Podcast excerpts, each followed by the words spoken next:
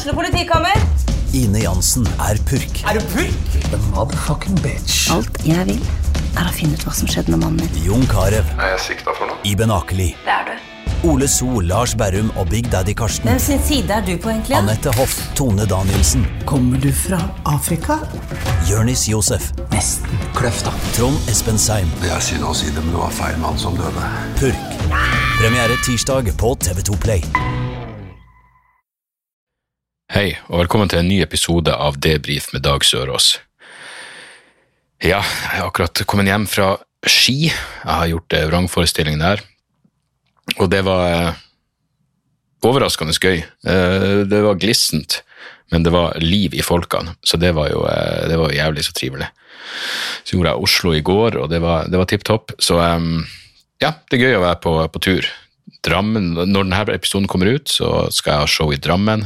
Der er det ja, jeg tror det er fire billetter igjen. Og så skal jeg til Haugesund på lørdag, og det er jo alltid eh, alltid en fryd å være i eh, Norges uten tvil mørkeste by. Så, eh, så sånn er det. Men nok om det. Denne episoden er jo en prat som jeg gjorde med Øyvind Strømmen etter at jeg hadde lest hans bok Giftpillen og med konspirasjonsteorier. Og eh, det ble en eh, kjempefin prat. Jeg hadde jo lest, jeg husker jeg leste den boka hans, 'Det mørke, Det mørke nettet, og jeg har ei T-bok av han, tror jeg, om noe eh, høyreekstremismens historie eller et eller annet. Men eh, han er i hvert fall eh, en fyr med stålkontroll på kontrajihadisme og høyreekstremisme, og nå altså konspirasjonsteorier. Den heter Giftpillen om kons konspirasjonsteorienes ødeleggende kraft, og den er ute på Respublica og er tilgjengelig der bøker er tilgjengelig. Så eh, jeg håper dere håper dere koser dere eh, like mye som jeg gjorde med, med denne praten. Så without further ado, her er min prat med Øyvind Strømmen.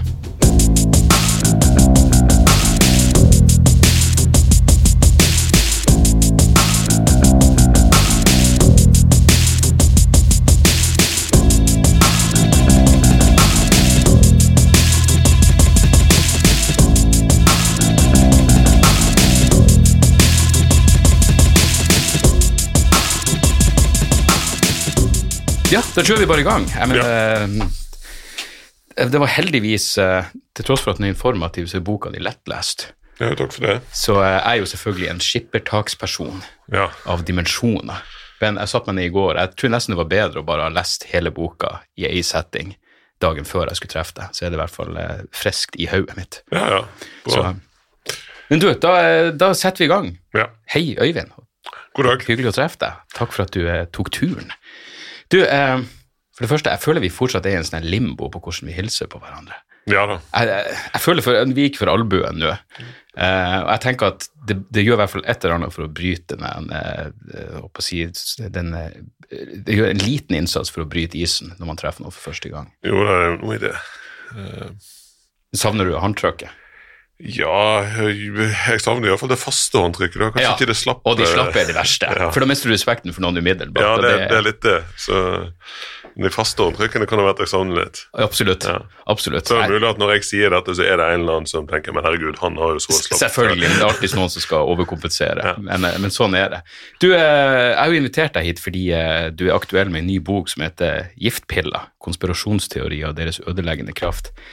Jeg må ærlig innrømme at jeg trodde den heter giftpila helt til siste setning i boka, og så skjønte jeg faen, det er selvfølgelig giftpiller. For en, eh, for en eh, tanketom fyr jeg er. Men eh, jeg bare lurer på, fordi eh, konspirasjonsteorier er vi fascinerende, og bare for å komme ut av skapet med det, så var jeg en sånn 9-11-truther i en tre-fire år etter 11. september, fordi det, det kom ut ei bok som heter The War on Freedom, tidlig, ja, sånn første halvdel av 2002 som bare var så overbevisende. Så det var liksom første gangen eh, jeg tror det var publisert noe som i hvert fall fremsto som akademisk, eh, som liksom argumenterte for ikke nødvendigvis en innsidejobb med at det var mye man ikke visste, osv. Eh, så jeg har, vært en, jeg har vært en konspirasjonsteoretiker. Jeg var dypt religiøs frem til jeg var i midten av tenårene.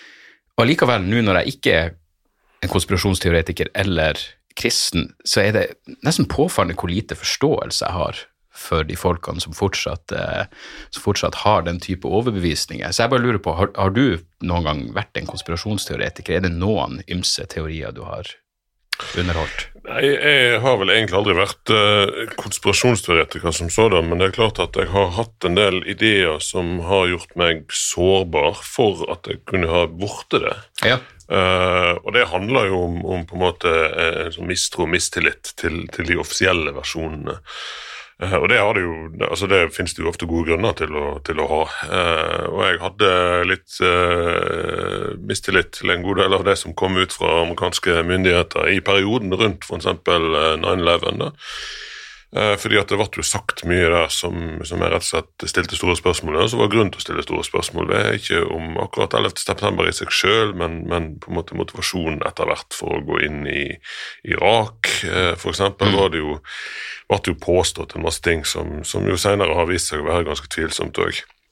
Uh, så på den tida så var jeg jo litt sånn Ja, i krigen så er sannheten det første offeret, og hva er egentlig sant? Mm. Og, og, dermed så Eh, åpner man jo samtidig, eh, selv om den kritikken og den, eh, den skepsisen er, er velbegrunna, så åpner man jo samtidig døra for at det faktisk kan snike seg inn ideer som, som er mer av det konspirasjonsteoretiske slaget. Da. Absolutt. Og så er det selvfølgelig også med noe jeg mener, seks-syv måneder inn i etter en, en, så stor hendelse som 11. september, så er jo ting fortsatt ganske uoversiktlig. Så hadde noen liksom egentlig skulle komme med den definitive boka. Men det, det, Han heter Nafis Ahmed, han fyren. Han har skrevet, Jeg har lest flere av bøkene hans, men det var et eller annet som gjorde at jeg bare dobbeltsjekka en av fotnotene hans, og så så jeg hvor han hadde kutta. Det var en eller annen Newsweek-artikkel om, eh, om kaprerne, for det var noe greier om at de hadde vært på en strippeklubb. Eh, og så argumenterte liksom han for at ja, hvor sannsynlig er det at dypt eh, religiøse muslimer som skal utføre terrorhandlinger på strippeklubb, og når jeg fant originalkilden hans, så hadde han kutta ut en del hvor de hadde ropt et eller annet om at bare vent om noen dager, så skal dere få se, eller et eller annet sånt, komme med åpenbare trusler. Og da tenkte jeg sånn Jeg mister helt trua på alt han har å skrive, da, for jeg tenker hvis jeg skal fortsette å, å, å lese det han kommer ut med, så må jeg dobbeltsjekke absolutt alle fotnotene, og det er liksom ikke, det er ikke bærekraftig. Men og bare for å avslutte den 9-11-greia, jeg, jeg, jeg, kan jo huske etter 22. juli så ut av ren sånn eh, morbid fascinasjon så ville jeg høre hva Alex Jones sa om det. Og han hadde vært ute kort tid etterpå, selvfølgelig. Hadde dokumentene, det her er en innsidejobb. Og da skjønte jeg hvor provoserende det må ha vært for amerikanere, mye av, den, eh, mm. av, av, de greiene som, som, han kom med. Men, men eh, for å komme til, til, til boka di eh, Definisjonen er jo viktig. Konspirasjonsteorier, er det et, er det et bra navn?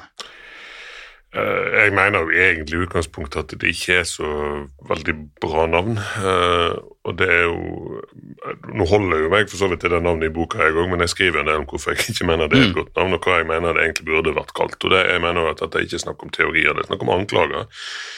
Eh, det er ikke sånn at man har en litt sånn løs teori i folkelig forstand, det som i forskningen kanskje kalles en hypotese, om at det er en annen sammenheng enn den offentlige. Nei, istedenfor så kommer man en helt konkret anklage som er retta mot, uh, mot enkeltpersoner eller mot uh, aktører i samfunnet. Uh, man, har en, man, har ikke en, løs teori om at Hillary Clinton driver med menneskeofring, men man retter faktisk helt konkret anklage om at Hillary Clinton er involvert i å drepe barn og drikke blodet deres. Um, og, og, det å kalle det en konspirasjonsteori er egentlig litt sånn misvisende. Um, så Derfor så mener jeg at det er i hvert fall viktig å diskutere hva er det som, som kjennetegner det vi kaller konspirasjonsteorier. Um, og Da tror jeg at det er viktig å se på nettopp den ene, den anklagebiten, og det andre hvordan det passer inn i egentlig etablerte fiendebildet. Altså Det blir brukt som fortellinger for å på en måte styrke fiendebildet som kanskje er der i utgangspunktet. Mm. Ja, for du snakker jo om at uh at eh, det er snakk om fiender som kommer både innifra, utenifra, under, unnifra og ovenifra. Ja. Så da har du dekt alle angrepspunktene. Det har en, eh, og det er klart eh, det, det, det er jo fiendebildet som er ganske sånn klassiske i, i, egentlig mye av menneskelig kultur. Det trenger ikke være konspirasjonsteoretisk heller, men når vi forteller historier om, om, på en måte ting som truer oss, så kan det være de som kommer utenfra. og det er da eh, kan jo være andre land, andre aktører, det kan være befolkningsgrupper eh, det kan være snakk om. Um, og så kan jo noen av disse ha eh, sneket seg innenfor bymurene, så å si, eh, og da kommer fienden plutselig innifra. Uh, og det kan jo være alt ifra at det ja, innvandrere som blir sett på som en del av konspirasjonen, om de nå er muslimer eller jøder, eller om de er katolikker, for den del. Uh, eller det kan være at å, det finnes hekser blant oss, eller det finnes satanister blant oss som gjennomfører mørke ritualer med, med, mot barna våre. Um, så har man jo selvfølgelig da fienden over oss. Den er jo klassisk i veldig mye konspirasjonsfortellinger, og i veldig mye også av de fiktive konspirasjonsfortellingene, eller i fiksjonen, populærkulturen, hvis man mm. tenker X-Files, eh, så er jo fienden over oss i veldig stor grad til stede. Um, de som styrer det skjulte, de skjulte elitene. Og fienden under oss, det er jo, det er jo sånn noe, noe driver og rører seg i underklassen. Eh, mm. Noe som middelklassen ikke helt forstår hva dette er for noe, men, men det som rører seg, det står iallfall i ledtog med skumle krefter. Eh, og gjerne med, med, utenlandske skumle krefter, da. Eh, og, og det har man jo sett at det fiendebildet også dukker opp litt i forbindelse med f.eks. For Black Lives Matter mm. eh, i, i statene. Uh, så, og de, Disse fiendebildene trenger ikke å være konspirasjonsteoretiske i seg sjøl, men de inngår som bestanddel i konspirasjonsteorien eller i konspirasjonsanklagene. Nå kom Jeg bare på, jeg husker ikke nøyaktig hva teorien var, men var det ikke en teori som involverte slaver på et eller annet tidspunkt i USA? Jo, jo, det jo, har jo vært teorier om, om altså, Ikke minst så er det jo at, at det er, altså frykten for slaveopprøret ja. er jo at det foregår et hemmelig komplott eh, blant slaver. Og så har jo det òg vært sett i sammenheng med, med, på en måte større komplottfortellinger, som, som, at her er det egentlig så er det jo eh, på en måte store, mektige aktører aktører i andre deler av verden som, som trekker i trådene bak. da. Mm. Så da får du eh, både unnifra og eh, utenifra? Ja, ja. ja.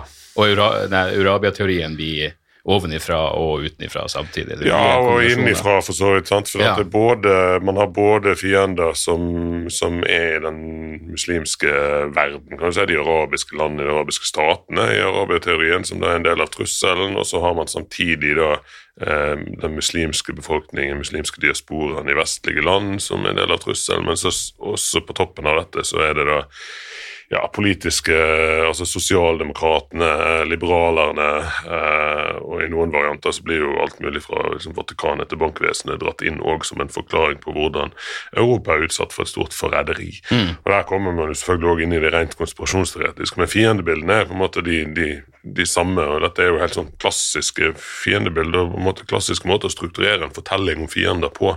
Ja. Um, og, og, det er jo noe som jeg òg vil fram til, at det er jo Um, konspirasjonsteorier er jo ofte på en måte bygd rundt ganske klassiske fortellinger, på sett og vis. Jeg husker jeg leste en bok om uh, DSM, den diagnosemanualen jeg bruker i psykiatrien. Uh, og da var det et eksempel på liksom, Pseudovitenskap var at under slavetida, på 1850-tallet, eller når det var, så, så, kom de opp med en, en Jeg tror de kalte det drapetomani som var den, den, eh, sinns, eh, altså den eh, mentale sykdommen slaver hadde når de fikk lyst til å flykte. Ja, ja, nettopp. Så det er fint når du kan involvere pseudovitenskap i tillegg. I, ja, og det dukker jo ikke rett sjelden opp, og, og det er jo ofte slik at altså, mange, mange bøker innenfor, uh, innenfor konspirasjonsteori-universet, uh, som er et ganske stort og mangfoldig univers, uh, er jo stappfulle av fotnoter. Mm. så en fotnote er på en måte ikke en garanti for noe som helst. Nei. Og, det, og det, det, er jo bra å på en måte skrive noe som fremstår som, som vitenskapelig. Mm. Jeg, jeg har jo også fotnoter i boken. Ja, for all del. Jeg husker da jeg skrev for, eh, for, mange år siden da jeg skrev masteroppgaven min, så hadde jeg ekstremt mange fotnoter. Jeg husker veilederen min sa jeg anklager ikke deg for det her, men husk at det er noe som kalles å prøve å drukne sensorer i fotnoter, liksom, hvor de bare får liksom, et inntrykk av at det her er så ekstremt eh, godt dokumentert. Ja. Eh, men eh, et eh, relativt teoretisk spørsmål igjen. da. Hva skiller da en konspirasjonsteori og en sammensvergelse? Altså Sammensvergelser er jo ekte, i den mm. forstand at de, altså vi vet jo at sammensvergelser eksisterer i dag. Vi vet at det er mange eksempler på at sammensvergelser eh, har eksistert eh, historisk og har hatt betydning i, i måte for viktige historiske hendelser. Eh, og det involverer jo eh, ting, altså kriger, det involverer ganske lodne ting av, av som f.eks. Tuskegee-eksperimentet, som medisinske eksperiment, som, som da blir utført i det skjulte mot folk. Uh, massevis av, av sånne ting. Um, det som er med ekte sammensvergelser, er at de som regel er avgrensa i omfang. Um, det vil si at vi har et begrensa mål. altså Det er ikke det, er ikke det totale verdensherredømmet som er målet. Det, det, er en bestemt ting man ønsker å oppnå. Uh, innbrudd i Watergate. Man ønsker å oppnå noe veldig spesifikt ved, ved det. Uh, eller uh, Og det er begrensa i, i, tid. Uh, selv om Tuskegee-eksperimentet varte jo, varte jo lenge, så, så er sammensvergelser gjerne relativt kortvarige, kortvarige mål. Uh, og, og, de er jo begrensa i antall involverte, uh, ikke minst. Mens en del av de store konspirasjonsanklagene er jo historier om, om veldige sammensvergelser som varer over veldig lang tid, og som har enorme konsekvenser, og gjerne sånn verdensomspennende uh, konsekvenser. så, jo, så, der går det jo an å, å sortere en del vekk. Konspirasjonsteorier har gjerne en tendens til å beskrive at ingenting er, absolutt ingenting som er tilfeldig. Eh, det er ingenting som er sånn som det faktisk framstår. Eh, og alt henger egentlig sammen med alt. Mm. Um, og det er jo òg noe som, som, uh, som, som, skiller de fra de på en måte viktige, eller riktige, de som eksisterer av sammensvergelser, fordi at der er det jo slik at alt henger faktisk ikke sammen med alt. Uh, der er det jo gjerne ulike aktører med ulike interesser involvert, og så går det galt, og så blir det gjort veldig mange tabber mm. og, og, sånt i virkelige sammensvergelser, mens, mens de Eh, konspirasjonsanklagene igjen dreier seg om på en måte nærmest ufeilbarlige aktører som, som, likevel blir avslørt gjennom en video på YouTube, liksom. Mm. Um, og det er, jo, det er jo, interessant. Um, så, det, så, det, vil jeg si at det er noen av, av de tingene det går an å, å skille på. Da. Hva slags fortellinger er som blir fortalt? Mm. Uh, og så er det jo eh, selvfølgelig slik at eh, virkelige sammensvergelser har en tendens til å bli avslørt ganske ofte. Mm. Eh, fordi at eh, ja, fordi at uh, nettopp disse aktørene har ulike interesser, fordi at de trekker i ulike retninger. og Noen har kanskje interesse av å avsløre noe sånn etter hvert. Man får en sånn deep throat-stemme som, ja. som, forteller hvordan ting egentlig henger sammen. Uh, ja. Nei, det er ganske interessant når du nevnte Watergate i boka, for jeg er ganske sikker på at det var en, ja, Jeg vet ikke hvor stor den sammensvergelsen egentlig var, men jeg tror det var der de avslørte det Cointel-Pro-programmet via noen dokumenter som ble stjålet i Watergate. Og det var jo en mye større sammensvergelse om amerikanske myndigheter sin krig mot Black Panther-aktivister og venstreaktivister og drapet på Fred Hampton. Jeg føler at nå er det en mye mer kjent ting, men jeg tror det tok ganske lang tid før det ble satt noen form for, for fokus på, på, akkurat det. Ja, og det er klart hvis man skal se på det i historisk sammenheng, da, så er det jo uh så er det jo fullt av eksempler på at uh, amerikansk etterretning har vært med ganske mye loddent. Mm. Uh, men samtidig jeg har jo for ikke så lenge siden lest en ganske interessant bok, en litt omdiskutert bok riktignok, som heter 'Legacy of Ashes', som er ja, en uh, historie om CIA. Um, og, og, uten å få galt for mye inn i den boka, så er jo, er jo det en beskrivelse av enormt mange tabber mm. uh, og enormt mye amatørmessige fremgangsmåter. Uh, for det er jo, det er jo tilfellet. Altså Veldig mye av det som skjer eh, i på en måte etterretningsverdenen, er jo òg preget av folk gjør feil, folk gjør tabber, folk driter seg sånn rett ut. Mm. Um, og det er liksom, I, i konspirasjonsanklagene så er det ikke helt plass til det. Uh, og det er ikke plass til at ting skjer av tilfeldigheter.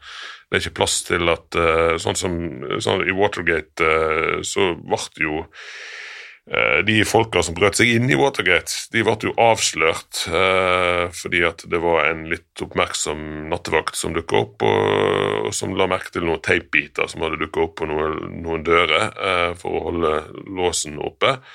Og, og, så ble det jo tilkalla politi, og de hadde jo en utkikk, en fyr på utkikk som skulle på en måte passe på hvis det kom noe politi og varsle de som var i ferd med å bryte mm. seg inn. Men han hadde altså vært så oppslukt i en skikkelig sånn der dårlig skrekkfilm Ja. at, at han eh, ikke varsla de, og dermed så uh, ble det komplottet avslørt. Den typen tabber skjer, liksom, det skjer i virkeligheten, men i, i, i, i konspirasjonsanklagene så så har man liksom ideer om at det finnes helt vanvittig svære komplotter med, med folk som ja, drikker blodet til spedbarn osv., og, så videre, og, og det blir ikke Altså, ingen, ingen går ut og sier sånn Hei, sånn er det egentlig.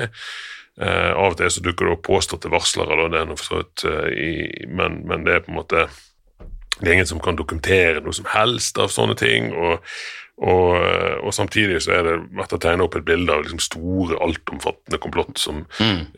involverer alt fra barnekidnappinger til, til å styre det politiske systemet og stjele valg og alt. alt, alt. Ja, jeg kan- skjønne liksom, hvis du bare så, hvis du bare tok et sånn Wikipedia-søk på MK Altra, det er et forsøk på å liksom, lage et hjernevaskingsprogram, så jeg, jeg kan skjønne at noen vil lese noe sånt og tenke ok, hva er de ikke i stand til å gjøre? Men så leste jeg en biografi om eh, han heter Gottlieb, han som liksom var hovedpersonen bak den ideen om å kunne hjernevaske folk. Og så innser du at i bunn og grunn så stammer det ut ifra eh, fantasiene, egentlig, heller bare overambisjonene til én spesifikk person. Og så ble det selvfølgelig institusjonalisert etter hvert. Men eh, en ting som er fordi går fra gift, Giftpiller spiller jo på denne ideen om, eh, som er populært i internettkulturen, med at du tar den røde pilla etter Matrixen, og så ser du plutselig hvordan verden fungerer. Eh, men jeg lurte på om du kunne kommentere på For det, er noe evig fascinerende med det faktum at på samme måte som eh, man kan forutse politiske standpunkt som egentlig ikke henger sammen. ikke sant? Det er klassisk eh, ok, så hvis du er skeptisk til, hvis du er en amerikaner og skeptisk til klima, at klimaendringen er et faktum, så er det stor sjanse for at du også har et syn på våpenpolitikk som er veldig spesifikt. Og det virker jo i hvert fall tilsynelatende som om eh, veldig mange konspirasjonsteoretikere er sånn kjøper du én, så kjøper du de aller fleste. Tror du det stemmer? Ja, det, det, altså, du kjøper de aller fleste, men du kjøper i hvert fall flere. En Ja. kommer eh, veldig sjelden alene. Ja, men jeg mener sånne ting som ikke nødvendigvis er sammen. Du er skeptisk til vaksine, og du tror også at det Ja, ble ja, drept men altså, ja, ja, ja og, det, og, og det finnes det jo også en del forskning på som viser at det er sammenfall mellom, mellom ulike konspirasjonsteorier. Og en amerikansk eh, forsker som heter Michael Barkin har jo kalt dette stigmatisert kunnskap.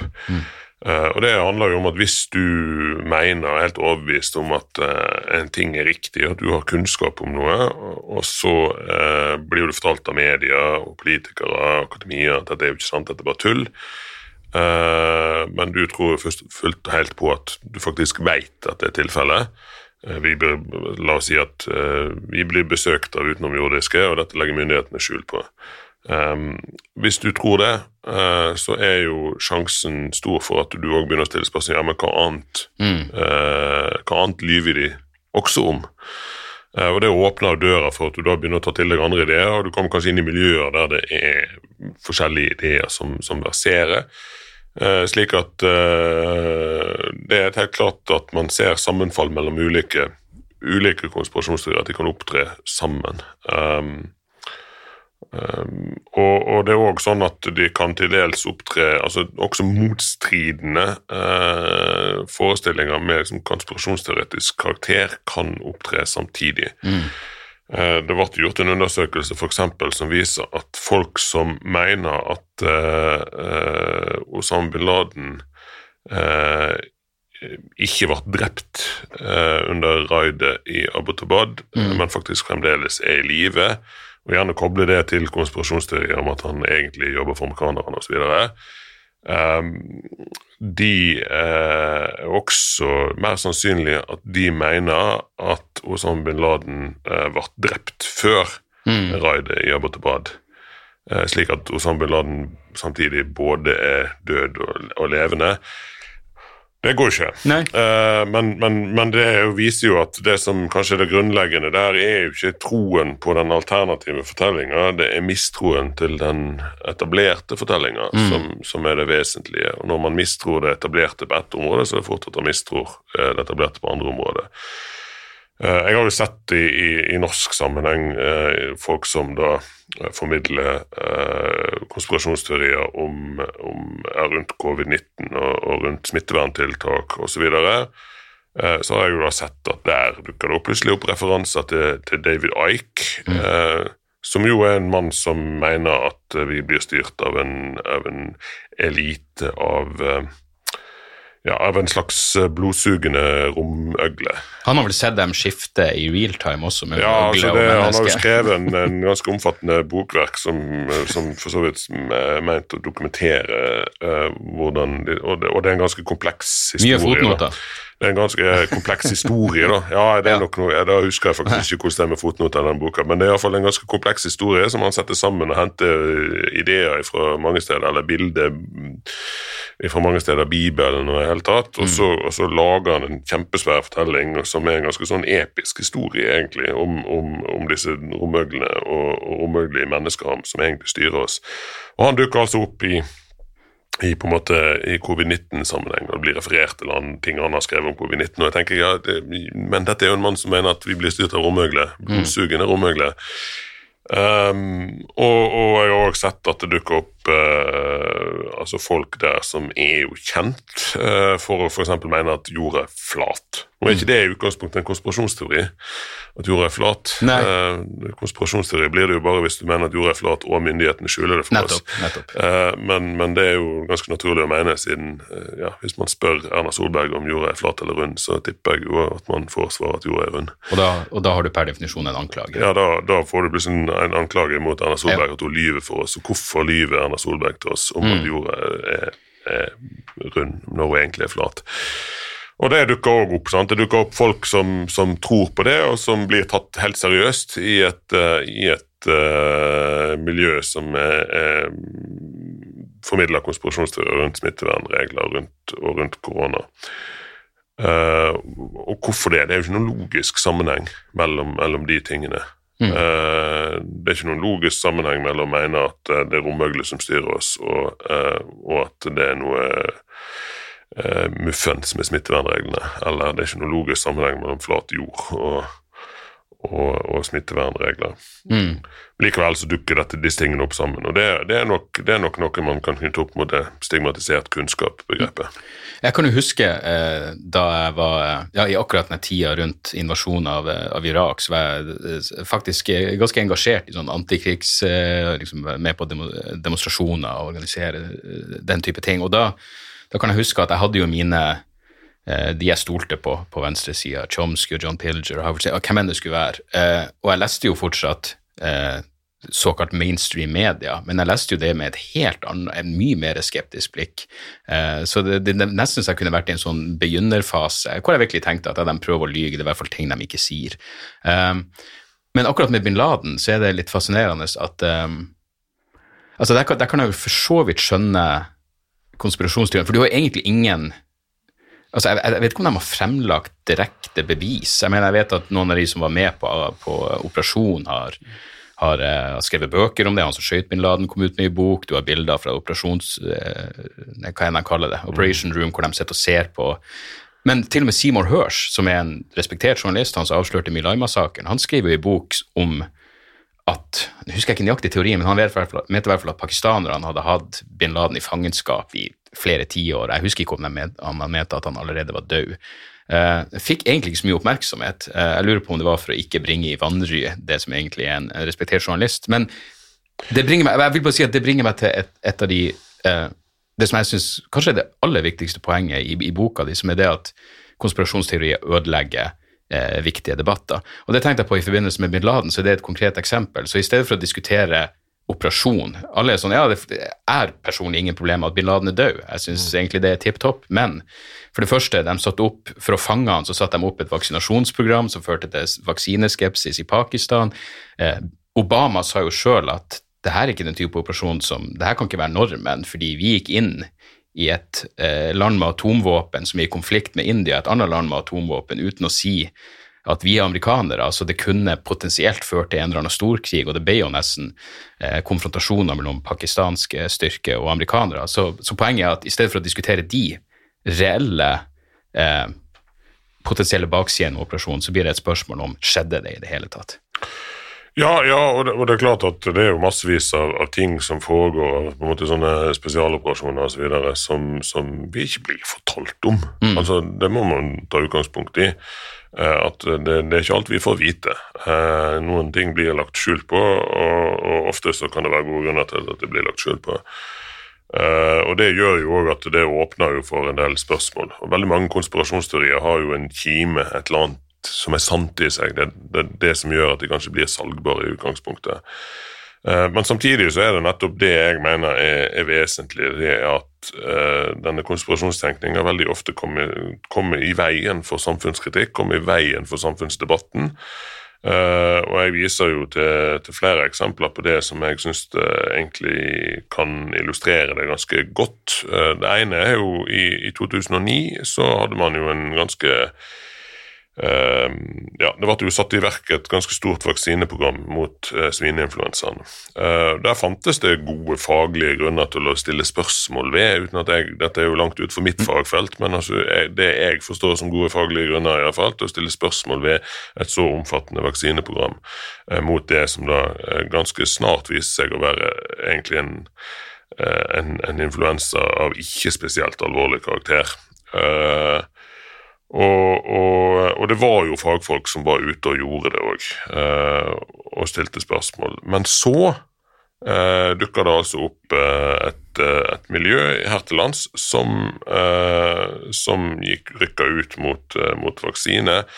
Eh, og I dette miljøet så var det altså folk som mente at nei, disse inneholder mikrochips som CIA vil bruke til å overvåke oss. Eh, eller som på en måte så på dette som en del av populasjonskontroll og mm. forskjellige sånne varianter. Uh, og, uh, og dette Folk fra dette miljøet ble da invitert til å sitte i, i TV-debatter. og sant, På ene siden så finner man da eh, Bent Høie, den gangen helsepolitiker. Høyre på andre siden så finner man da Ingunn Røiseland, som også har senere blitt kjent for å ville melde seg ut av Norge. Mm. Uh, med bakgrunn i ganske fantastiske forestillinger, som da kort tid i forveien hadde skrevet at dette var mikrochips. Eh, eller iallfall kunne det være mikrochips i disse vaksinene. Og da, da, Hva slags debatt får man da? Mm. eh, når, når, det liksom når man, når man tar debatten på det nivået? Uh, og da mener jeg at da kommer jo òg uh, konspirasjonsteoriene i veien, helt konkret i veien for de som da hadde helt rimelige faglige spørsmål. Hvis man da sitter og tenker at ja, kanskje det er noe uh, litt uheldig med, med et sånt omfattende vaksineprogram, så får man jo ikke nødvendigvis lyst til å stille de spørsmålene hvis man vet at her er det også noen som fremmer helt spinnville forestillinger mm. som jeg kan risikere å bli slått i hardcore med. Mm. Og samtidig eh, så drukner fort eh, de seriøse debattene i, eh, i helt spinnville forestillinger. For det er jo altså det er, jo, det er jo, mer oppsiktsvekkende og mer eh, kan være ganske sånn gøyalt å skrive om konspirasjonsteorier enn å skrive om på en måte de alvorlige debattene. Et annet eksempel der jeg mener at konspirasjonsteorier har helt konkret vært skade, eh, det gjaldt eh, i forbindelse med barnevern. Uh, jeg mener det er gode grunner til å diskutere ganske mye med norsk barnevernspraksis. Uh, og, Norge har jo vært uh, dømt flere ganger i Europeiske menneskerettsdomstolen, som har stilt spørsmål ved norsk barnevernspraksis. god grunn til at det må føres en debatt om det. Uh, og heldigvis så blir det jo ført en debatt om, om, om disse tingene, og det, det er tema på Stortinget osv. Men, men samtidig så er det da en del i sosiale medier, uh, en god del konspirasjonsteorier som òg har vært spredd rundt, rundt barnevernet. Uh, som jeg mener da én skader debatten, står i veien for den debatten.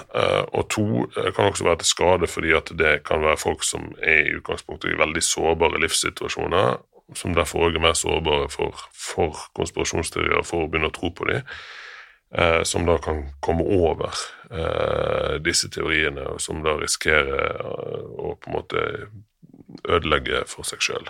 Mm. Um, og det er, Begge de to tingene er jo ganske alvorlige, og, og, og i begge de tilfellene så ser man hvordan konspirasjonsteorier eh, kommer i veien for, for samfunnsdebatten.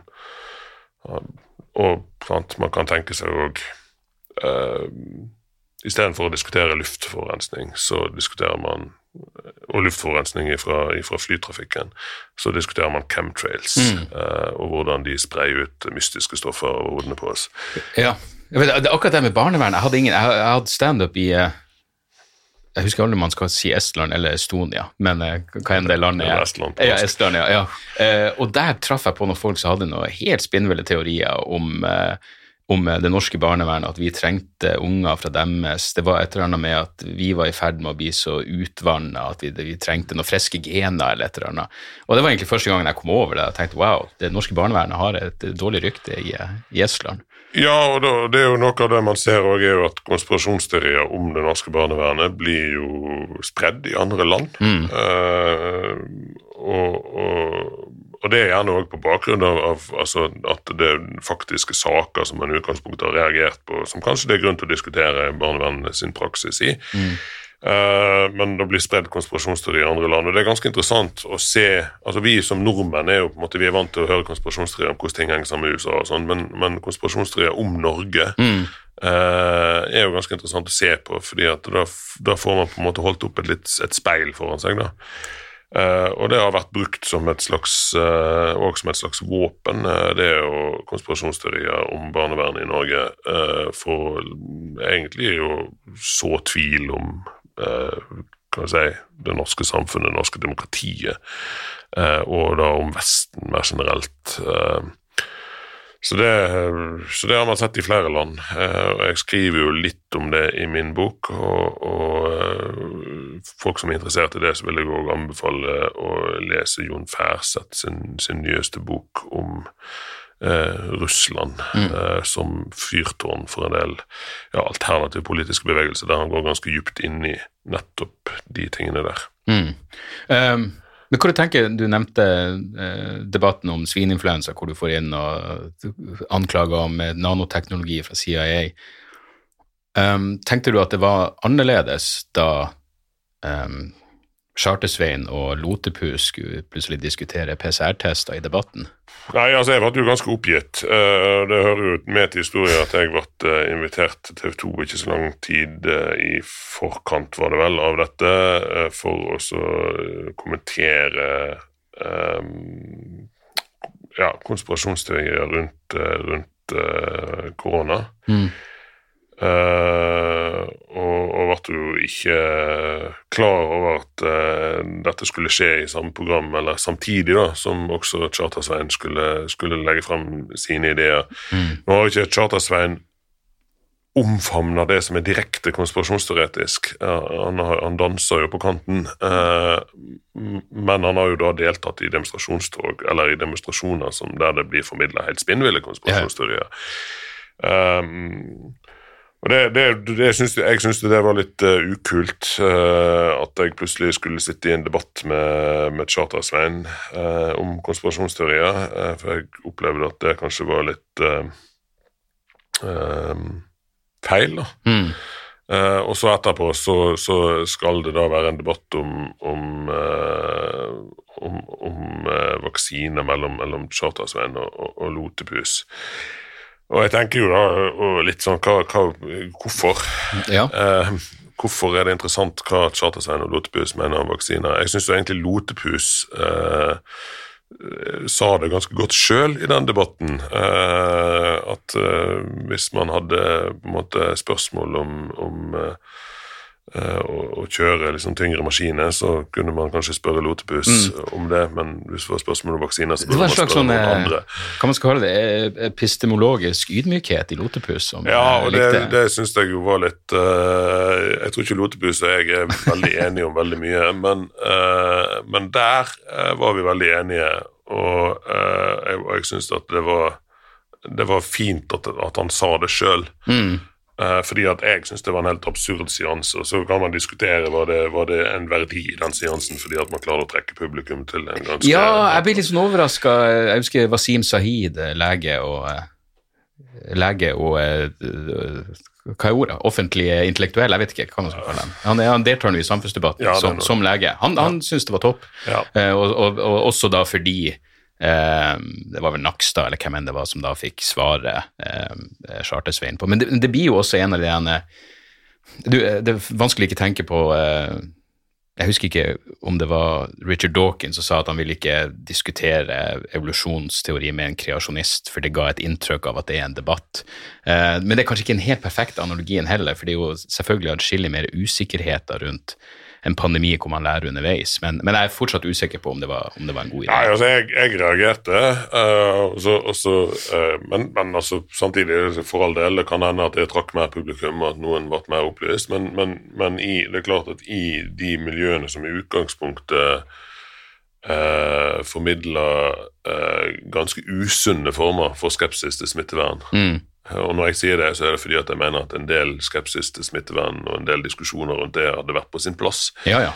Um, men en del av de som formidler ganske usunne, der, der ble jo Charter-Svein dyrka som en helt, og det ble han i høyeste grad også etter, eh, etter eh, denne uh, diskusjonen. Og, og uh, de følte jo at nå hadde de endelig på en måte sluppet til, da. Mm. Uh, og det er, det er baksida av den medaljen. sant? Det sitter, det sitter, kanskje massevis av mennesker og ser på denne diskusjonen og, som, og gjør det fordi at det, det, er litt show og litt uh, sånn uh, artig at uh, her sitter liksom to reality-kjendiser og krangler om, om vaksine. Men baksida av den medaljen er jo at eh, selv om de aller fleste som ser det, da kanskje vil få med seg at Espen Nakstad har litt mer faglig ballast enn Charter-Svein, mm. eh, så er det noen som vil tro på Charter-Svein og ikke mm. på Espen Nakstad. Eh, og og selv om, om mange av oss vil tenke at ja, Charter-Svein falt igjennom, så er det ikke alle som tenker det heller. Og da er det litt sånn hva gir man et mikrofonstativ til? Det går jo litt på den, eh, som jeg vet du har uttalt deg om, at du hater det spørsmål om hvilken konspirasjonsteori som er den morsomste. Jeg husker at jeg, jeg, jeg, tweeta en versjon av hvor var du da Oddvar Brå brakk staven, men hvor var du da Chartersveien forklarte PCR-tester. Men mm. man har jo sett i ettertid det er jo nesten en uunngåelig konsekvens med hvor han klager på han mister oppdrag, han mister venner. Plutselig så lar han seg avbilde med lysglimt, en, en, en nazist, mm. uh, hvor det nesten virker som om eh, Kanskje ikke som et direkte resultat av debatten nødvendigvis, men han meget mulig bare blir enda mer radikalisert i, eh, i meningene sine. Fordi han havner sammen med de få folkene som faktisk eh, omfavner det han, det han prøver å stå for, eller det han insinuerer. Ja, jeg, altså jeg skal ikke uttale meg så mye om det, tror jeg, men, men, men det er klart at uh, Det er bare basert på liksom, det han har sagt i ettertid? ja, ja, ja. Men, men, det er klart at uh, noe av mønsteret der er jo, er jo, kanskje til å kjenne igjen. Uh, at man At det at man blir dratt inn i et sånt alternativt verdensbilde, kan føre til at man òg mister på en måte venner, man mister kontakter, man mister uh, muligheter. Uh, og at det igjen kan føre til at man i enda større grad knytter seg til et miljø. Det er jo ganske, det er, det er jo ganske klassisk beskrivelse av en radikaliseringsprosess. Mm. Uh, og det er ikke noe tvil om at uh, en del folk som, som uh, gjør det som si, ramler ned i kaninhullet, da, som gjerne brukes som begrep, at en del av de som gjør det, går gjennom en, en, radikaliseringsprosess som kan ligne veldig mye på radikalisering til, til ekstrem ideologi. Og, og det er heller ikke noe tvil om at innenfor, innenfor, ekstremisme, som når vi nå helst snakker om radikalisering, så spiller jo konspirasjonsteorier en, en, rolle i, i, de radikaliseringsprosessene veldig enkelt. Så det, så det er noen mekanismer der. Sant? Man støter mm. fra seg de som, som, kanskje kunne ha vært med å holde en igjen. Mm. Uh, og, og, folk blir uinteressert i å ha kontakt med deg, og, i hele tatt, og så ender man opp med å gå i en mer og mer ytterliggående retning. Mm. Um, og Det tror jeg er mekanismer det er verdt å være klar over, også hvis man eh, kommer i en situasjon der det er en kompis eller en fetter eller et eller annet som, som da begynner å tro på et eller annet mm. uh, mer eller mindre sprøtt. Mm. Uh, så kan det være viktig at du er den som faktisk holder kontakten, da, og som, og som gir vedkommende anledning til å reise på fisketur istedenfor mm. å sitte på, på internettforum. Mm.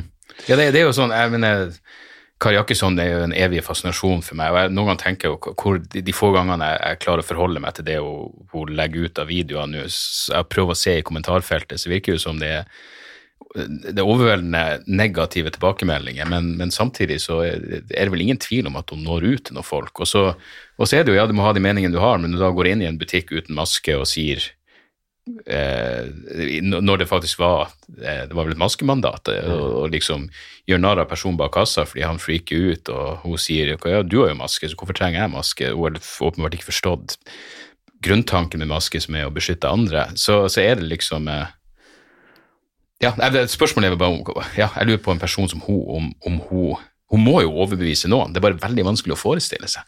Men det er klart. Ja, men uh, altså, det er klart at uh, det, finnes et uh,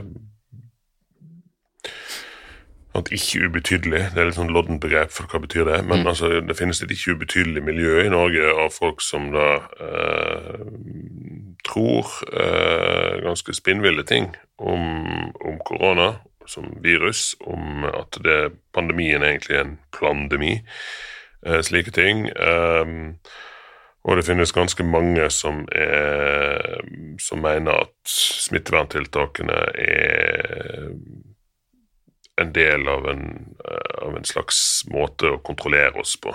Mm. Uh, og det er det jo på sett og vis òg. Altså, det, det, det, er jo kontrolltiltak, for, men det er jo pandemien man skal kontrollere. da. Mm.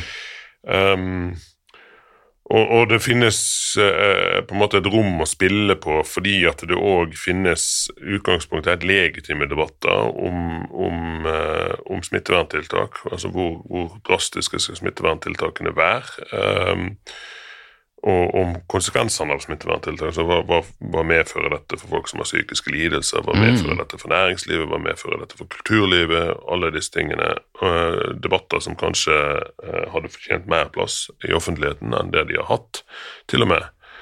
Jeg føler at det, det er perfekt eh, analogi til den barnevernsdebatten hvor mm. folk tenker nei, men du, du, vil ikke gå inn i en debatt som virker ko-ko. Sånn har det vært litt med smitteverntiltak.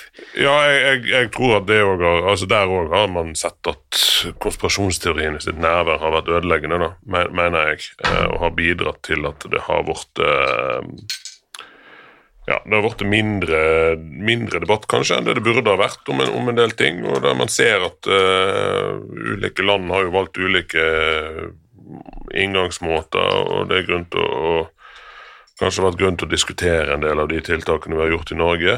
Uh, og, og, i alle fall en del av de, de, de strengeste, altså avgrensninger hvor mange har lov å besøke hjemme, mm. eh, f.eks. Veldig strenge avgrensninger uh, på det. er det ok å gå så langt? Um, og, og de, de, legitime debattene der, de åpner, de jo selvfølgelig òg på en måte åpner de døra for, for uh, at uh, folk som ønsker å formidle mer uh, konspirasjonsteoretiske ideer, får en, en, på en måte en plattform. Og på andre måter så, så eh, bidrar eh, disse, når de kommer dit, de bidrar jo også til å slenge igjen den døra ganske hardt. Mm. Fordi at de, de, står i veien for debatten, rett og slett. De står i veien.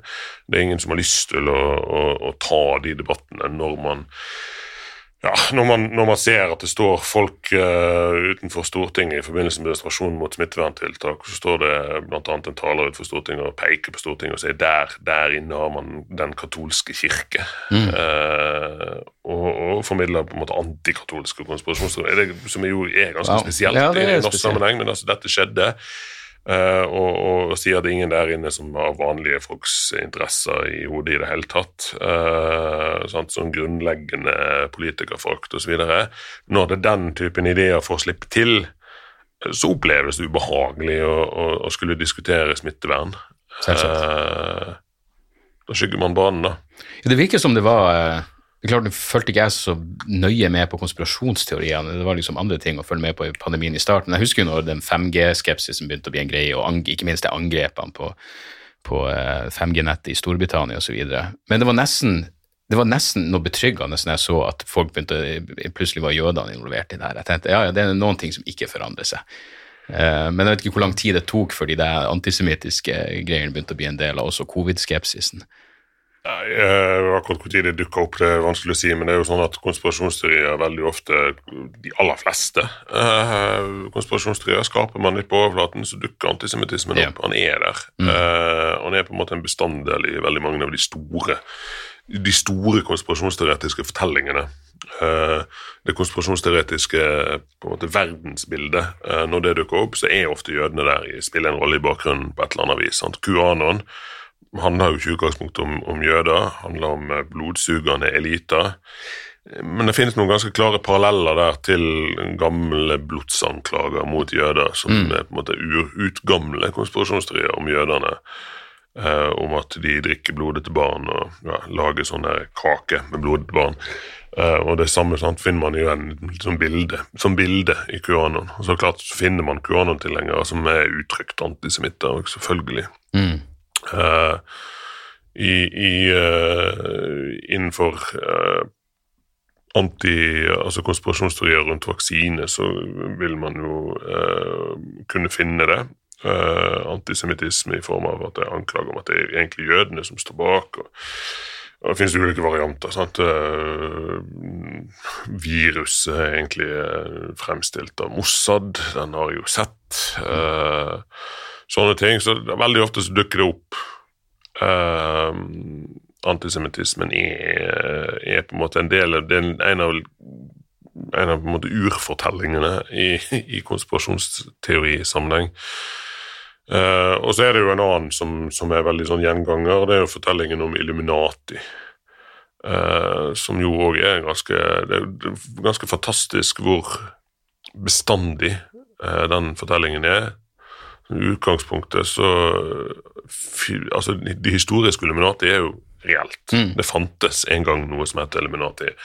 Eh, det var en liten gjeng eh, som lagde en slags losje i Bayern. Eh, og denne ble etter hvert forbudt, eh, og gikk jo da litt under jorden og, og døde etter hvert ut.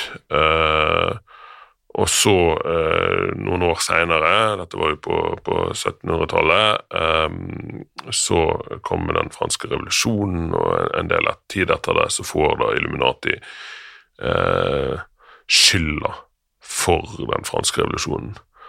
Og deretter så går det på en måte i slag i slag. Etter det så har Illuminati fått skylda for det aller meste. Eh, altså en ikke-eksisterende hemmelig losje som har fått skylda for alt mulig. Eh, Første verdenskrig, andre verdenskrig, eh, diverse terrorangrep. Eh, sant? De får skylda for den såkalte plandemien også. Eh, og dukker opp om og om igjen. Og så blir disse tingene av og til kobla sammen. For hvem er det egentlig som styrer Illuminati? Jo, det er jo, det er jo jødene, det òg, da. Mm. Så der har man eh, Så der har man mm, på en måte to sånne grunnleggende vanlige konspirasjonsteorifortellinger som ofte dukker opp når det dukker opp nye konspirasjonsteorier. Eh, og i alle fall ofte dukker opp når folk begynner å knytte sammen de ulike konspirasjonsteoriene. Mm. Eh,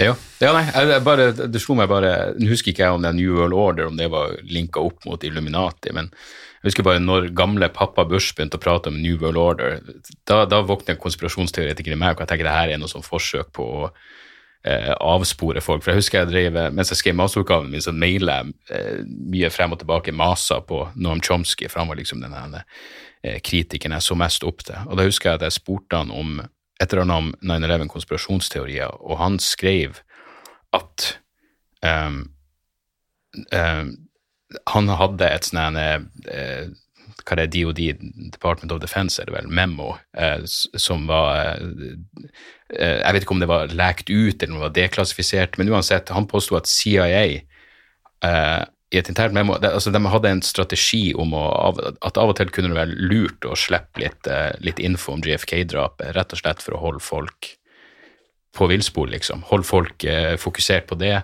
så de ikke stiller viktige spørsmål.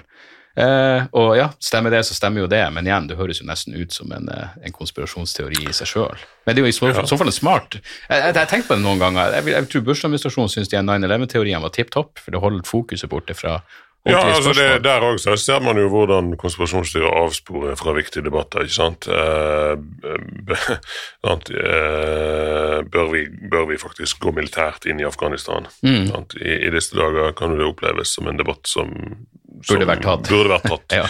Eh, og, og som selvfølgelig man kan konkludere ulike ting om, men, men, men en debatt som iallfall har fortjent å bli diskutert og, og, sett litt på de erfaringene som, som Sovjetunionen gjorde seg når de gikk militært inn i Afghanistan, den type ting.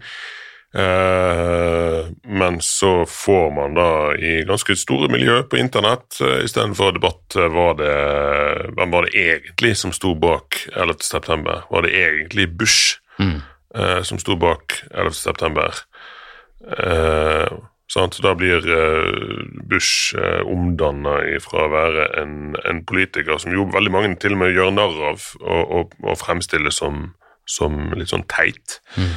Eh, hvilket jo jeg òg stiller ganske store spørsmål ved. Eh, eh, han blir da omdannet til å være et sånn ondt geni. Superkompetent. Eh, superkompetent, ondt geni. Eh, og- det er jo og, og, og, debatten blir liksom det, da. Er George Bush et uh, superkompetent, ondt geni? Jeg føler at det er ingen som har svart på det, det som selvfølgelig trekkes frem som den mest åpenbare innvendinga, fordi det er ofte den ideen om at uh, jeg mener, Vi vet jo fra eh, liksom eh, Bob Woodward og, og nok av jeg mener, De har vært åpne om det, at det var Irak de ville gå inn i, så da er det jo en veldig dårlig idé. Og, og hvis du stager en terroraksjon og har 15 stykker fra Saudi-Arabia, som du på ingen måte har lyst til å angripe Nei, altså, det, det er jo eh, Det er jo ikke Det henger jo ikke helt på grep, det heller. Um, så det er jo um, Nei, og, og, og sant, men og så, så, så kommer debatten, og så blir debatten om det, og så, blir, og så drukner en del andre debatter i, i dette, da. Uh, så det er klart at uh, konspirasjonsteorier bidrar veldig ofte til avsporinger. Eh, og det er jo noe av det som jeg uh, syns det er viktig å få fram. Veldig ofte så og, og bokprosjektet mitt starta jo egentlig òg med at det var en fyr som ja, men det må jo være lov å være kritisk til myndighetene, og det må jo være lov og dette og pakker, pakker på en måte konspirasjonsteorien inn som samfunnskritikk, og, og det er noe som ofte blir gjort. Det blir ofte framstilt som samfunnskritikk. Eh, og så er mitt poeng at det faktisk er et hinder for Ja. samfunnskritikk. Jeg tenker på det, fordi det er jo et eller annet med at Man kan sikkert argumentere for at de fleste konspirasjonsteorier er politiske på et eller annet vis, om så bare fordi de, de insinuerer at uh, myndighetene vet om noe som de som bevisst holder skjult for oss. Og så er resultatet nesten at det blir en slags apolitisk re resultat av det. At det, du ender opp med å diskutere ting som egentlig ikke har noe med de faktiske forholdene å gjøre. Um, ja. Ja, og så har det, nå er det jo et eh, Der har det er det litt mangelfullt med forskning, og det er litt interessant å se hvordan det vil utvikle seg nå, f.eks. QAnon som, som fenomen i statene. Men, men det har vært forskning tidligere som tyder på at uh, det å tro på konspirasjonsteorier fungerer demobiliserende. Uh, I den forstand at da lar du være å gå og stemme. ja blir uh, For du er desillusjonert, du har ikke noe håp, liksom. Det Uansett hva jeg stemmer på, så spiller det ikke, blir det ikke noe endring. Eh, og, og disse fiendene du beskrevet som veldig sånn eh, omnipotente og får til alt mulig, kan de få til. Og, og sånt, hva gjør du i en sånn situasjon uh, når du står overfor en fiende som er så overveldende og så mektig? Uh, noen kan jo kanskje risikere å, å ende opp med å faktisk bli farlige pga. Av at de tror på noe sånt, mens andre vil jo bare gi opp. ikke sant? Eh, og, og den demobiliseringseffekten av konspirasjonsteori er òg en del av, av bildet. Uh, og så er det interessant å se sånn som at, at nå er det jo har man jo sett at det er en del folk i f.eks. QAnon-miljøet som, som faktisk mobiliserer politisk og prøver å få inn liksom, lokalt folkevalgte og etter hvert regionalt folkevalgte, og, og med mål liksom om Jeg, jeg må jo følge den Marjorie Taylor Green på Instagram, om ikke så bare av ren fascinasjon. Men jeg, jeg går ut fra at du var i gang med boka da eh, kongressstorminga skjedde. Jeg var veldig i gang med boka. Ja. jeg måtte jo skrive... Du skjønte med en gang at det her, må, det her må med på et vis? Ja, altså jeg måtte jo skrive om en del, da. Eller skrive på nytt. Skrive et ekstra kapittel. Og Ja. ja. i det hele tatt gjøre en del grep, da. Eh, det har jo vært noe av det utfordrende med å skrive en bok om konspirasjonsteorier, er at det skjer jo, det skjer jo hele tiden noe.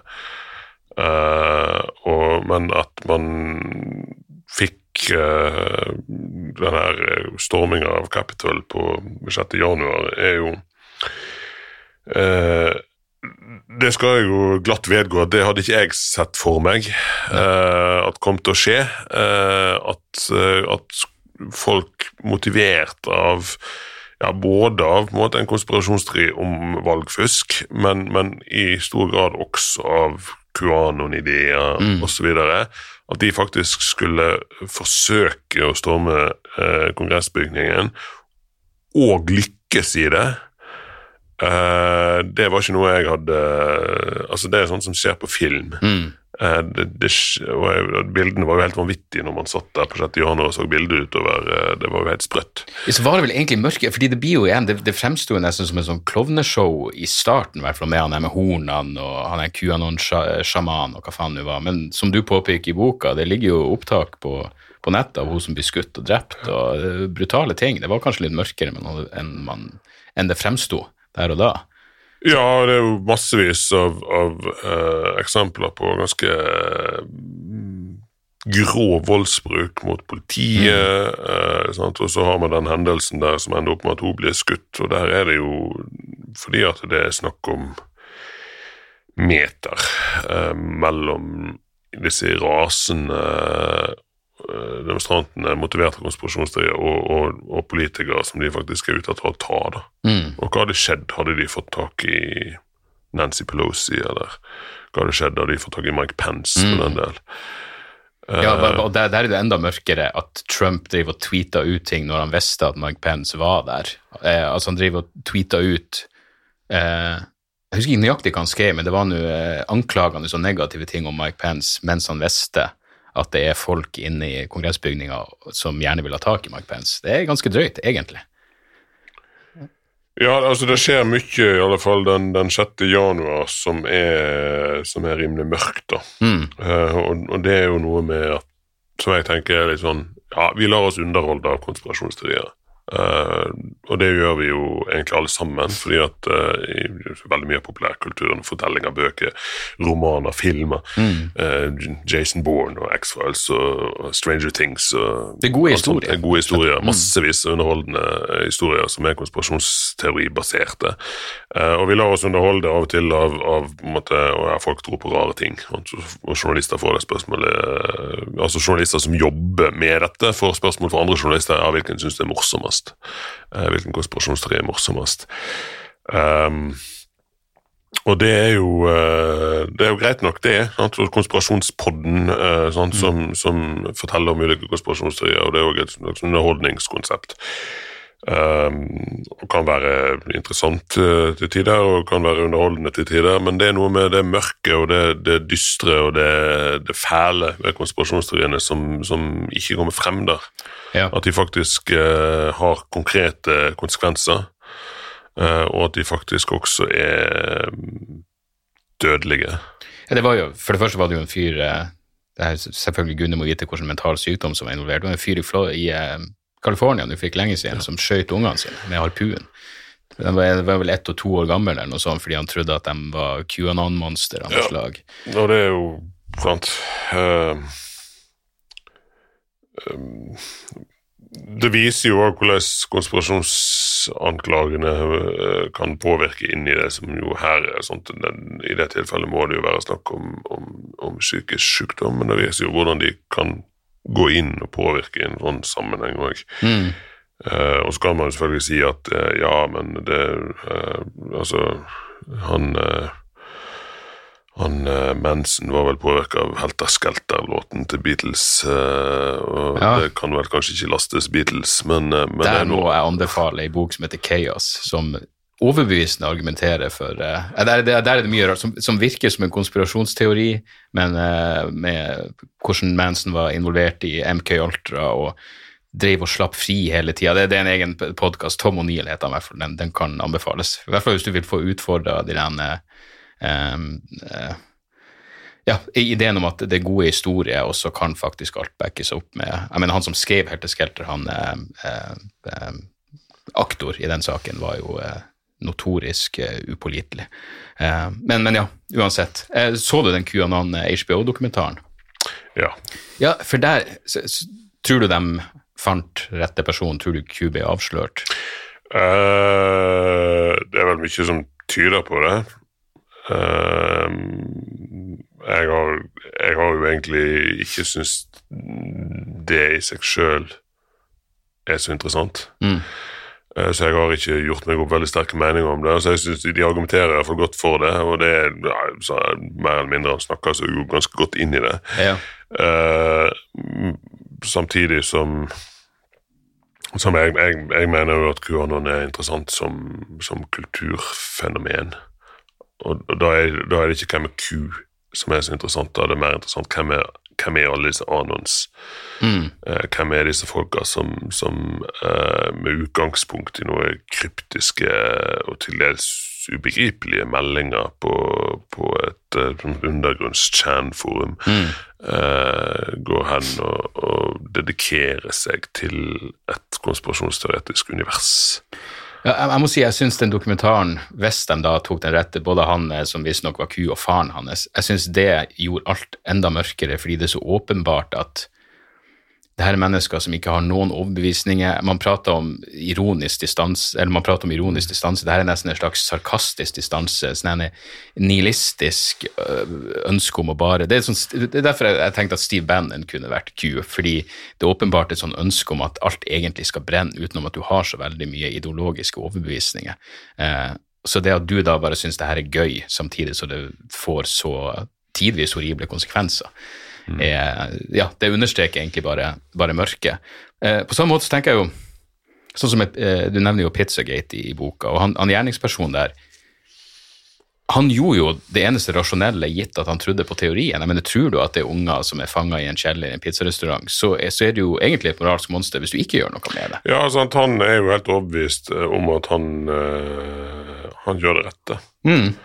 Eh, og det er jo ikke vanskelig å forstå at han er overbevist om det heller. Det, det, det er jo helt, eh, det er helt logisk. Uh, og, og, blir, og så er jo han irritert fordi at myndighetene holder sin beskyttende hånd over det som skjer osv. Så videre. så han, sånt, den, denne videoen som han spiller inn i bilen til, til sine egne barn uh, på vei oppover til Washington, er ganske slående å se på. Mm. Uh, den har jeg jo sett. Eh, der han forteller liksom, hvorfor han gjør det han gjør. Eh, det er ikke en lang video, men, men det er en video som han, Det viser jo at han det, det, Han gjør jo ikke dette fordi han er ond, eh, men, men tvert imot så gjør han dette fordi at han ønsker å forsvare noe som er godt. Um, og det er jo òg noe som, som konspirasjonsteorier og konspirasjonsteorifortellingene uh, åpner for. Um, det er jo denne anledningen til å sette oss sjøl i en helterolle. Vi som har avslørt hvordan ting egentlig henger sammen, eh, vi kan gå inn i den helterolle.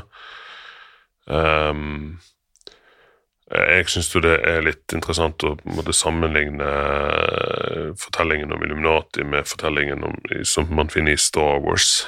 Um, I Star Wars så har man jo en, en Det var den eneste delen av boka hvor jeg bare merka at jeg tuna ut, for jeg, jeg er ikke noe Star Wars-mann i det hele Nei. tatt. Men, Nei, jeg, men nei, jeg ser eh, Nei, I Star Wars så har man jo en fortelling om, om på en måte republikken som den gode republikken som blir undergravd og ødelagt av, av, av eh, en ondsinna konspirasjon. eh, Sitt orden.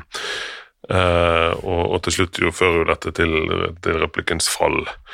Um, og, og, eh, men så er det nå disse modige heltene, disse, disse få heltene som faktisk tør å stå opp mot den enorme overmakten, det enorme imperiet. Eh, og det er jo en ganske sånn uh, For første så er det en ganske grunnleggende sånn menneskelig fortelling. Ja. Den, den historien der finnes i utallige mange varianter. Uh, og for det andre så ligger det samme elementer. liksom Illuminati driver undergrave og ødelegger og sant, skal innføre et verdensomspennende, skummelt regime, sånn New World Order, Great Reset, alt det der. Um, og så uh, er, er det da de modige få som tør å stå opp mot dette, og som, som har gjennomskua det og tør å stå opp mot det. Uh, og, og i motsetning til, til Star Wars, um, som jo er bare en filmserie, så tilbyr konspirasjonsanklaget, konspirasjonsteorier, tilbyr uh, deg å gå inn i den helterolla. Du kan bli Luke Skywalker. Um, og det er jo, det er jo en, en rolle som kan være ganske tiltrekkende. Um, Og det, og det er jo der jeg mener at han, han uh, som da oppsøker denne pizzarestauranten, han går jo inn i den helterolla. Ja. Men det er jo nesten like forutsigbart som at hvis du oppriktig mener at livet begynner med unnfangelse, så skyter du en abortdoktor. Jeg mener, igjen, gitt hva en slags overbevisning du har, så er ikke det en utenkelig eh, handling.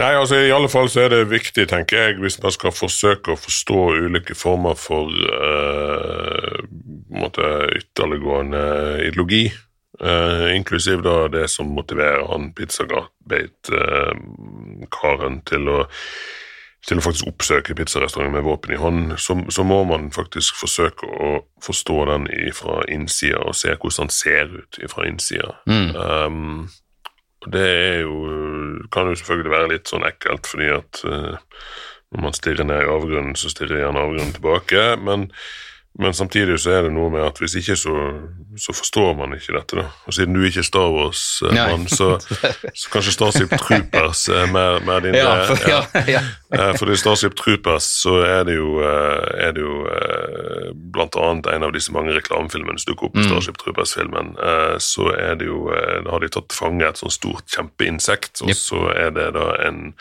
en sånn uh, fyr med, med, evnen til å lese hva dette insektet tenker, som går bort og legger hånda på det, og så kommer det som sånn uh, to, uh, to, kill the bug first, you must understand the bug. Mm.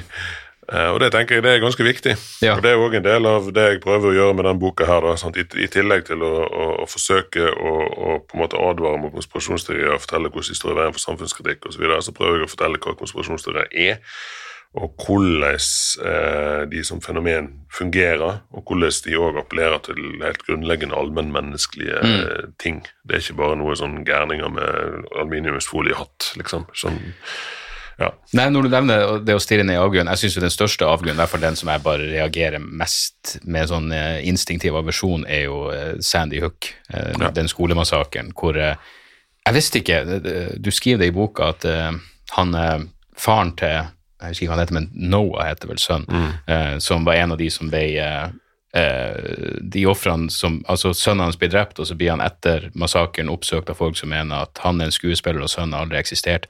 Han satt altså og hørte på Alex Jones når han leverte sønnen på skolen, og var en Alex Jones-fan. Ja. Og så ender selvfølgelig Alex Jones opp med å bli da den eh, det er en av de fremste som sprer denne teorien. Og det, føler, det fører jo til trakassering av folk som har mista ungene sine. Og det er bare sånn eh, ja, som far og som menneske, så føler du bare sånn eh, Der ser du de ytterste konsekvenser. Hva tenker du egentlig om Hvilket moralsk ansvar syns du eh, en person som Alex Jones og Infowars har? Fordi det var det som gjorde at jeg omsider at jeg har vanskelig for å forholde meg til Joe Rogan, at han hadde Alex Jones på podkasten. Det er greit at de er venner, alt det der, men uten å stille han ordentlig til veggs for, for, akkurat det. Nei, jeg syns at, at, han har kjempestort moralsk ansvar, og, og, og altså um, jeg opplever jo Det er jo klart at det kan jo kanskje folk kan påstå at jeg har en konspirasjonsteori eh, om, om, men jeg opplever jo at Alex Jones eh, tror jo ikke på så veldig mye av det han formidler. Han, var jo, han var jo i en barnefordelingssak hvor han forsvarte seg med at han spiller en karakter. Ja. Eh, så ja. Uh, jeg opplever det. Sånt. Også, også, han selger jo masse sånne uh, litt sånn mumbo-jumbo-remedier. Supplement. Og... Uh, Vitaminsupplement mm. og gudene vet hva. til et publikum som da også svelger masse rare konspirasjonsteorier fra showene hans. Um, og det, det tjener han jo veldig mye penger på. og Der er det økonomisk interesse og helt tatt. Altså, på en måte Hvis man skal snakke om, om, om følg pengene osv., som man jo gjerne får beskjed om, mm. uh, så, så, følg de pengene, da. Og se, se, på det. Så jeg kan jo være frista til å ha mine egne private konspirasjonsteorier om Alex Jones, men ja. det uansett om man tror på det eller ikke, så har han jo et moralsk ansvar for det han formidler. Ja. Og det er klart at uh, den kanalen der har formidla en ting som Pizzagate har formidla at uh, en konkret pizzarestaurant i, i Washington uh, har en kjeller som de ikke har, og der foregår det groteske overgrep mot barn. Utført av navngitte politikere osv. Det, det, er jo, det er jo drøyt. Mm. Det er jo drøyt å gjøre det, men altså Sandy Hook er jo enda drøyere. Men så kan man jo, man kan jo ta det i, og, og på en måte oversette det til norske forhold. da. Eh, fordi at på, på disse kanalene her så har det jo også vært hevda at 22. juli for eksempel, var et falskt flaggangrep. Mm. Eh, og, og da kan man jo da kan man jo eh, kanskje, kanskje bli lettere å relatere seg til hvordan det oppleves Nettopp. eh, når det dreier seg om noe som, som er, har skjedd her. Og hvis noen da påstår at uh, Utøya-massakren aldri skjedde, og de oppsøkte de etterlatte, så uh, Ja, nei, det, det er vanskelig å se for seg noe mer uh, nedrig. Du, eh, rent uh, sånn avslutningsmessig jeg, jeg må jo selvfølgelig ta et djevelens advokatspørsmål. Du, du mener du takker partifeller i boka. Det er Miljøpartiet De Grønne du er, er medlem av. Eh, Jeg lurer på hva du tenker om eh, Nå vet jeg for det første at eh, Miljøpartiet har sagt at kjernekraftteknologien vil være en viktig del av det grønne skiftet. Gått tilbake på motstand mot GMO. Men vil du tenke at skepsis mot kjernekraft og eh, genmodifiserte organismer vil falle inn under det du kaller konspirasjonsanklager? Ikke i seg sjøl, men, men det er klart at eh, og, og, og, Men det er klart at man kan finne konspirasjonsanklager som altså Kjernekraft kanskje ikke så mye, men, men når det gjelder eh, genteknologi, så kan man, man finne at det er en del av bildet. Sant? Og, og, og skurkebildene rundt Monsanto. eh, nå er det mange, og igjen så mener jeg at dette er et eksempel på hvordan konspirasjonsteorier kommer i veien for faktisk samfunnskritikk. Der, for det er mye Monsanto har gjort som man i høyeste grad kan stille spørsmål ved.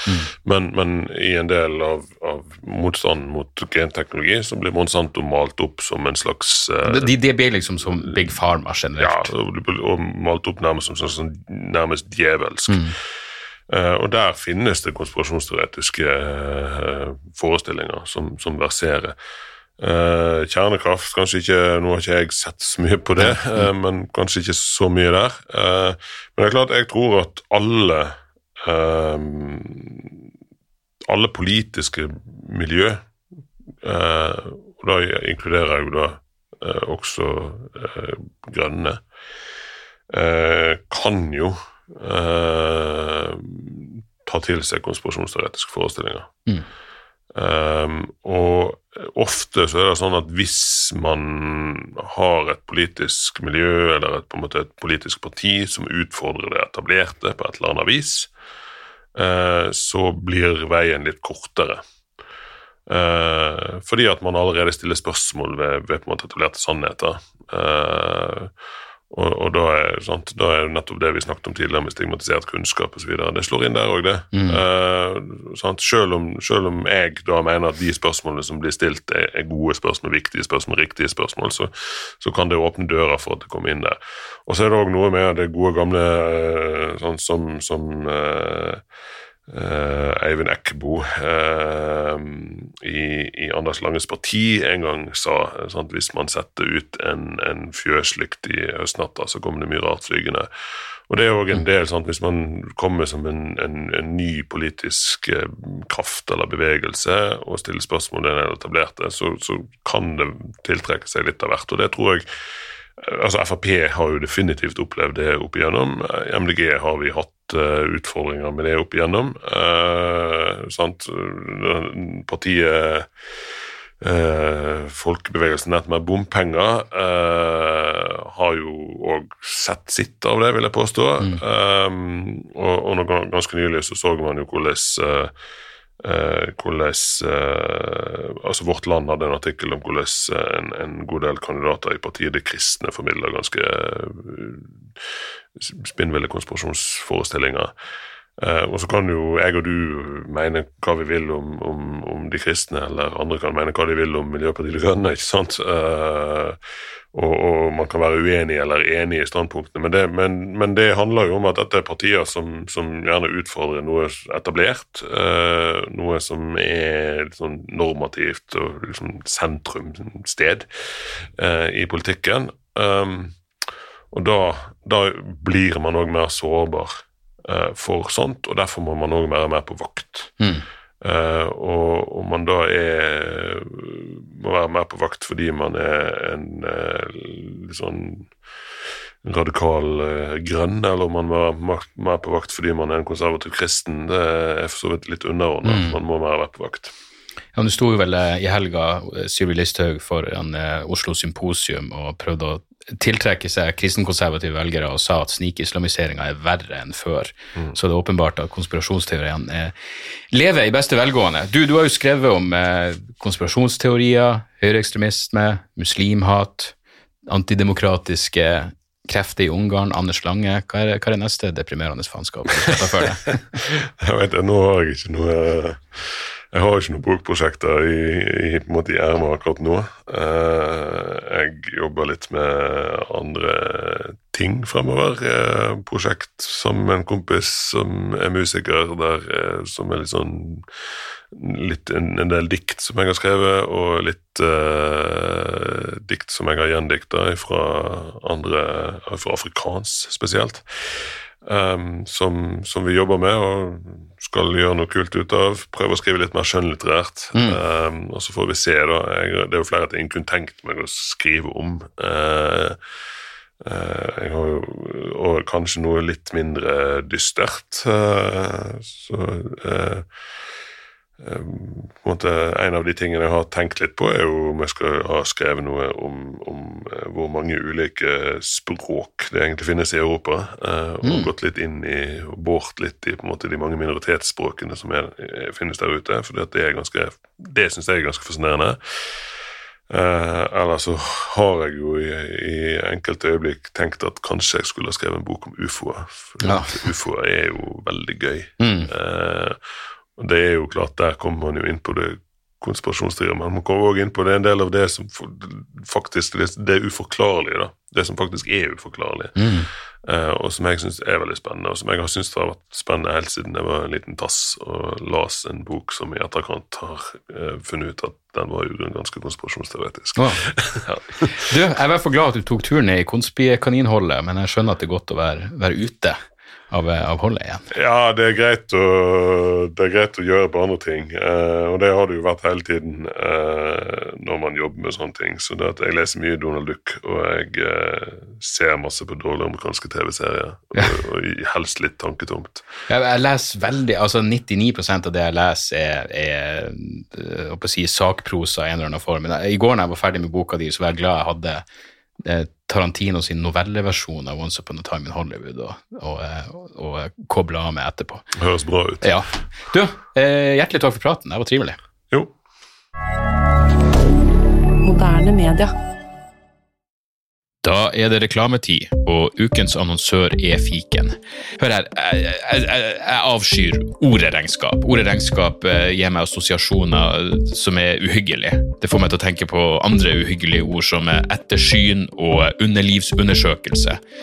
Men regnskap er et nødvendig onde, og fiken er et så enkelt regnskapsprogram at selv jeg kan klare å ha kontroll på finansene hvis jeg bruker det. Eh, du kan registrere kjøpene dine bare med å ta et bilde av kvitteringa med appen, og så kan du bare hive, hive kvitteringen. Hvor nydelig kan det bli? Og Fiken forholder seg også til regnskap med overkommelige ord. Det er ikke masse overkomplisert økonomisk terminologi. De kaller det kjøp og salg i stedet for hva enn de kaller det på BI. Og du kan, eh, du kan få fiken til å sende purringen dine, sånn at du slipper å gjøre det sjøl. Slipper du de der flaue øyeblikkene hvor du må skrive 'unnskyld meg, men det står noe utestående her, kan du fikse det fortest mulig', må jeg sende, må sende mafiaen etter deg? Nei, fiken fikser det så kan du skylde på algoritmene. Du slipper dårlig stemning. Jeg syns i hvert fall det er utrolig greit å slippe å styre med sånne ting sjøl, og nå kan du prøve fiken gratis i 30 dager. Hva, hva har du å tape? Bokstavelig talt ingen verdens ting. Så gå inn på fiken.no og prøv fiken gratis i 30 dager. Ok? Det var det så vanskelig.